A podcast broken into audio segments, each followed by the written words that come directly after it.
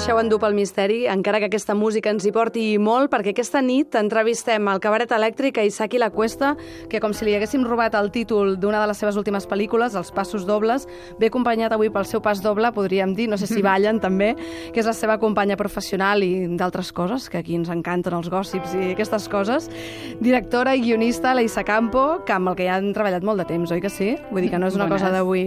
Sí, bon moltíssim. dia, bon dia a tots dos. Fins i tot bon ballem, també, sí. sí.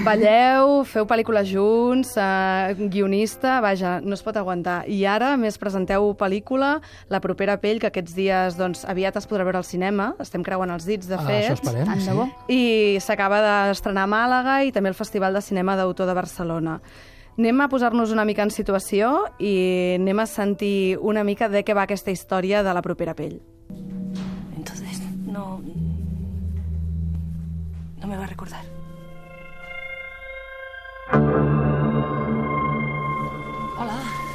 T'hem trobat molt a faltar. Hola, Gabriel. Gabriel. Gabriel. Gabriel. De veritat te'n recordes a mi? Toi, ça te pose aucun problème, toi, de laisser anar avec un inconnu I el, I el coneixeu, aquest, eh? és el Sergi López parlant francès, que té aquest accent tant de Vilanova i la Geltrú. Però expliquem primer l'argument que narra La propera pell. Aquesta és la història d'un adolescent que desapareix un dia de casa seva i que retroba amb la seva família després de 8 anys, amb èxit perdut, i, i a més a més desaparegut sense deixar rastre, cosa ja totalment misteriosa i que ens aboca moltíssimes coses, no? La mare del noi la interpreta l'actriu la Emma Suárez, el tiet és el Sergi López i l'adolescent és l'actor l'Àlex Moner, que pobret deu estar fart de que li diguin que és el nen de pulseres vermelles, perquè ell ja havia fet molt cinema i en continuarà fent, eh? perquè ho fa molt bé. És una bèstia. És una un bèstia. actoraç, l'Àlex. és un tio amb un talent impressionant i ara està estudiant direcció Està a a Nova, Nova York. York. Ah, Així que aviat, aviat, el tindrà, un- aviat tindrà un director a l'alçada del seu talent, que serà ell mateix. O sigui que li heu posat una mica la llavoreta, li, li, l'heu inoculat el verí, podríem dir, Jo crec no? que ja la tenia, Ja no? Es fixava en tot, sí. l'Àlex. Sí, sí, és molt intel·ligent, molt brillant. Doncs escolta, estarem pendents de la carrera de director de l'Àlex Moner, però mentre això no passa, expliqueu-nos com vau arribar a aquesta història de, de la desaparició d'aquest- d'aquesta persona eh? I, i a partir de l'absència explicar tota una pel·lícula. No sé si havíeu tingut algun cas al costat, miràveu Paco Lobatón fa anys, com, com anava la cosa? Doncs sí, fa uns anys van sortir, cap al 2003, 2004, van sortir una sèrie de notícies als diaris que tenien a veure amb històries així molt semblants. De gent que apareixia després de portar uns anys misteriosament desapareguts, alguns eren impostors, altres no, i de cop aquesta coincidència jo crec que ens va fer que penséssim en alguna història similar i va començar així. Sí, ens, ens permetia parlar de temes que ens interessaven molt portats a l'extrem, no? com pot ser la, la possibilitat de reconstruir la nostra vida, poder canviar tot el que hem fet malament fins al present, convertir-nos en altres, poder reconstruir la vida de família... Tota aquesta mena de temes estan presents a la propera pell i venien de notícies com aquestes que vam trobar al diari, però que l'hem passat pel sedàs d'una estructura de thriller i de drama. Thriller i a més que al final s'acaba amb... O sigui, que apela molt a l'emoció, perquè tots ens sentim una mica molt a prop no? d'aquest personatge. Tots hem sentit que alguna vegada podíem tornar a refer la nostra vida. L'amnèsia ja de per si és una cosa molt poderosa, no? Et permet, et permet fer reset. Sí, llavors, clar, durant tota la pel·lícula no saps si és una amnèsia real o una amnèsia fingida, que és un altre dels temes de la pel·lícula, no? la mentida, l'engany i l'autoengany, no? que a vegades és el pitjor engany de tots. I això, això és una part interessant de la feina amb els actors, no? tant amb l'Àlex, de qui hem parlat, com amb l'Emma, el Sergi i el Bruno, intentar interpretar un personatge que menteix sense que sembli que està actuant malament. A ells també els teniu enganyats o què, quan fèieu la història, quan escrivíeu el, el, quan els hi vau passar el guió? No, els molt explicàveu al final? Imagina, van anar parant aquesta pel·lícula. Només van treballar molt mal amb mà a mà. Vam reescriure ells contínuament durant el rodatge, Sí. sí. durant la, la, sí, Uh uh -huh. mentre estàvem allà a localització i a la preproducció. Són molt còmplices, molt, molt, molt. Sí, també perquè el, el, la propera pell és un projecte de fa molts anys i llavors com que es van endarrerint i altres pel·lícules anaven colant al mig, quan van fer Murieron els vam cridar tots per poder rodar amb ells ja abans ja. Clar, no és que haguéssim treballat amb ells i penséssim en ells per la propera vegada, sinó al revés. És com, necessitem rodar amb ells ja. Estem parlant de, de la pel·li del blockbuster aquí, que es va forrar, de fet, d'Isaki Sí, La Cuesta. sí, sí, sí. Murieron por encima de sus posibilidades, on parlava de la crisi i on va convidar, jo diria que Déu, sa mare i la Sagrada Família, no? Una mica. Sí, hi havia tot, tot, el, tot el cinema espanyol. Sí, sí. Eh? Vull dir, des de l'Albert Pla, també eh, gent que no és actor, Pau Riba, Jaume Sisa, vull dir... I va Els mites, els mites, la gent gent important d'aquest país. El millor de cada casa, està clar. Uh, la història aquesta de la que estem parlant, la propera pell, és una, una història que passa en un poble de muntanya, un lloc que podria ser el Pirineu català, molt a prop de França, on el fet de les fronteres sí que té importància, perquè encara que tots uh, amb el paper siguem de la Unió Europea, aquí en un moment ets i en un moment no ets. Les lleis són diferents per una banda i banda i tota l'estona hi ha un reclam, no?, d'això. Clar, és una pel·lícula de, de transformació. Per això ens agradava també que això es, es notés en el canvi d'aquest personatge que és, que és el Gabriel, interpretat per l'Àlex, que comença parlant en francès i a poc a poc, a mesura que avança la pel·lícula, va agafant un accent català diferent, no? Très bien, eh, el lector, perquè és Sí, molt complicat, és això complicat. de fer veure aquests sí. francès quan no ho ets, eh? Vull dir, perquè pot sortir un francès de Mollerussa molt fort. I al, i al, i al revés, també tra- anar treballant... És curiós, aquí ens va venir molt bé, la, la, estàvem buscant quin podia ser el seu accent en, en francès quan parlés català, Uh -huh. i al final ens va servir, ens va servir de referent en Valls, En Valls, francès. el polític francès, Ah, sí? que mai clar. no ho sabrà, però l'hauríem hagut de posar als agraïments de la pel·lícula. Doncs, home, Sí, sí, l'À- l'Àlex va estar estudiant gravacions en Valls per agafar unes cadències. uh -huh. Déu nhi uh, I clar, per què un poble de muntanya? Jo em pregunto, ara que no en sent ningú, si és perquè la pel·li en francès, fer una pel·li en francès amb espanyol i en català, així la pots portar a més festivals, no? O què? Quasi, això No, això igual està el- bé. Quasi, no, però quasi és al revés. El, Sí. Sí, us heu avui- tancat uh, les avui, portes. avui en dia, clar, el, el normal, el, el, el més normal, la majoria de cases, és que aquí a Catalunya, sobretot, és que el, a casa meva la meva mare parla en castellà i barreja paraules en frases en català, Mhm. i això passa, passa a la majoria del, de les llars catalanes. I a, I a la frontera encara més amb el francès. I, en canvi, molt poques pel·lícules i molt poques sèries palesen aquesta situació, perquè el, a la gent li incomoda que hi hagi diferents idiomes, que si hi ha subtítols ja ni et parlo.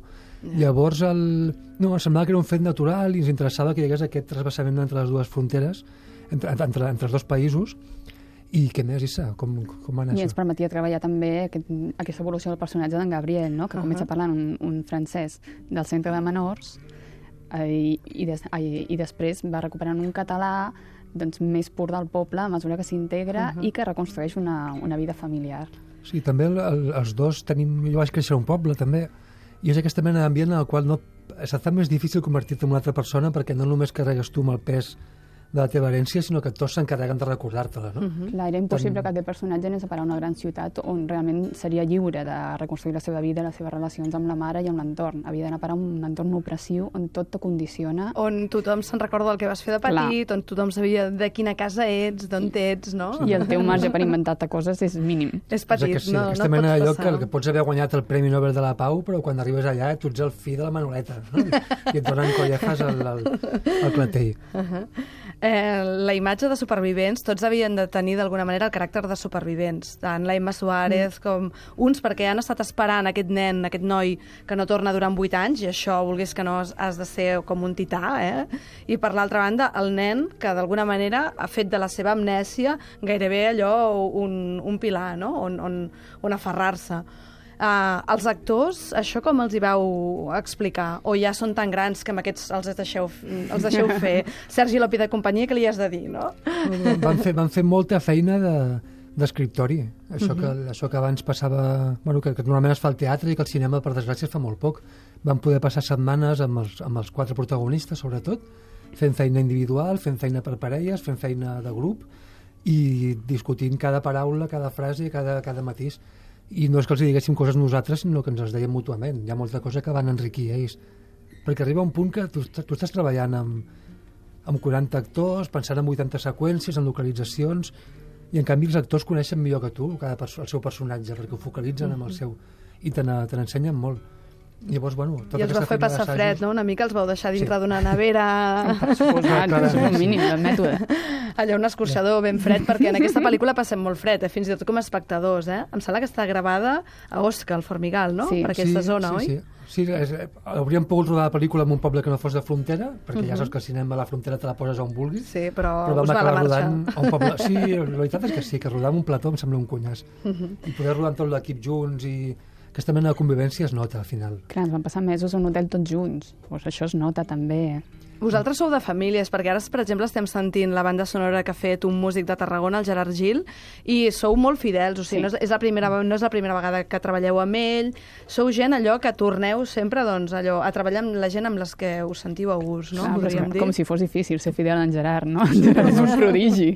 Sí, no, no és una qüestió de fidelitat, no té res a Ah, no? amb la fidelitat. No és per una amor, qüestió- això? No, és També que hi ha amor, també hi ha amor. Ja, clar, però l'amor i la fidelitat no són coses que vagin lligades. No, és més una qüestió M'agrada de que em traieu aquest tema. M'agrada que em traieu aquest tema, Tens perquè ara, moment gossip, moment hola, eh? moment lectures, el que veieu, no? Perquè es veu que el Sí. cinema independent no està lliure de tot això. Vosaltres fa temps que treballeu junts, com dèiem al principi, professionalment, al, a Los Pasos Dobles, Los Condenados, etc. Però això de treballar junts codirigint, que, qui ho va decidir? Va ser l'Isa Campo, que va dir eh, estic fal- Eh, farta que de ser la estic aquí." segona, eh? de fer de guionista i no tenir aquí paper important, o com va això? Perquè els guionistes estan molt maltractats, eh? Pobrets. I tota la feina la fan ells, eh? O gairebé tota. No, però jo no estava maltractada, eh? perquè jo anava a rodatges. Jo deia, Sí? no te'l deixaré un guió perquè me l'espatllis aquí fent qualsevol cosa a rodatge, jo vinc. Jo, jo anava Ets tot de a les- rodatges, sí, sí. mm, D'acord, d'acord, d'acord. Ets de les intrusives, ho veig. Sí, totalment. No, de, ha ha de qui va molt- ser la culpa? O, Ha sigut molt, molt natural, Mhm. perquè el, el, de fet, el primer que vam codirigir va ser un reportatge a l'escola quan va caure el mur de Berlín. Vull dir que im- imagina't si fa temps que treballem junts. Això és molt romàntic, això ho expliqueu a les entrevistes? Ara no? sí, és el primer cop que ho explico. No, no l'havia explicat Estic mai. molt orgullosa que ho feu aquí. I vam aprovar amb bona nota i llavors vam pensar que ens podíem dedicar a això. I vam trigar un temps, però al final ho hem aconseguit. I què més? No, doncs fa temps, fa molt de temps que el, aquest és el primer guió que vam escriure Mhm. junts, ara fa 10 anys, i l'hem reescrit moltes vegades, però sí que tant eh, des de Los Condenados el 2008-2009 que cada vegada la Issa agafava més pes a l'equip de direcció i, i dirigia molt els actors, estava present a talonatge, muntatge, el procés de mescles, Llavors, pràcticament arribava a un punt que l'única cosa que no feia eren les entrevistes. I dic, doncs per menjar-me jo el pitjor, quasi que ho fem junts, no? Jo no preguntaré allò que fan, eh, que pregunten ara, si fos un programa d'aquests del corazón, d'aquests del migdia, que segur que faran d'aquí no res a la tele, eh? preguntaríem, i com és treballar con ella? Però això no m'interessa a mi, perquè ja m'imagino que bé, perquè si no, no estaríeu 24 hores junts. Però a mi m'interessa saber, i aquesta pregunta és per l'Isaki, quina és la marca Issa Campo? Quina és La- la marca Issa Campo que ha portat a la pel·lícula La propera pell? Doncs sobretot el que té la Issa és que és molt subtil eh, comprenent i expressant els, les emocions i sentiments. Amb això és molt més fina i més precisa que jo, per exemple. A l'hora d'explicar-los als actors quins són aquests matisos, jo a vegades per no explicar-ho intento explicar-ho amb la càmera o canviant la llum, canviant la posició de càmera i punt. I en canvi la Issa... Aquí Isaki explica, explicant els trucs. Sí, en canvi la Issa sí que, el, que té aquesta capacitat de verbalitzar-ho i d'entendre-ho molt bé.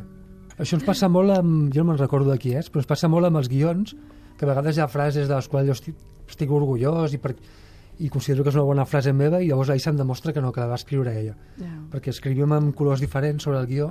Això vol dir estar molt empaltat, eh, ja? Sí, al final ens fem un lío, no sabem el que és de cadascú. Sí, sí. Estic a punt de plorar, eh? És tan romàntic tot això que ens estan explicant. Va, sí. Això recordo que un, un actor li va explicar amb en José Coronado i va dir, Sí. sí. no em sembla gens romàntic. d'acord. Cadascú... No li va semblar trist. I va semblar molt Sí, trist. li va semblar trist. Aquí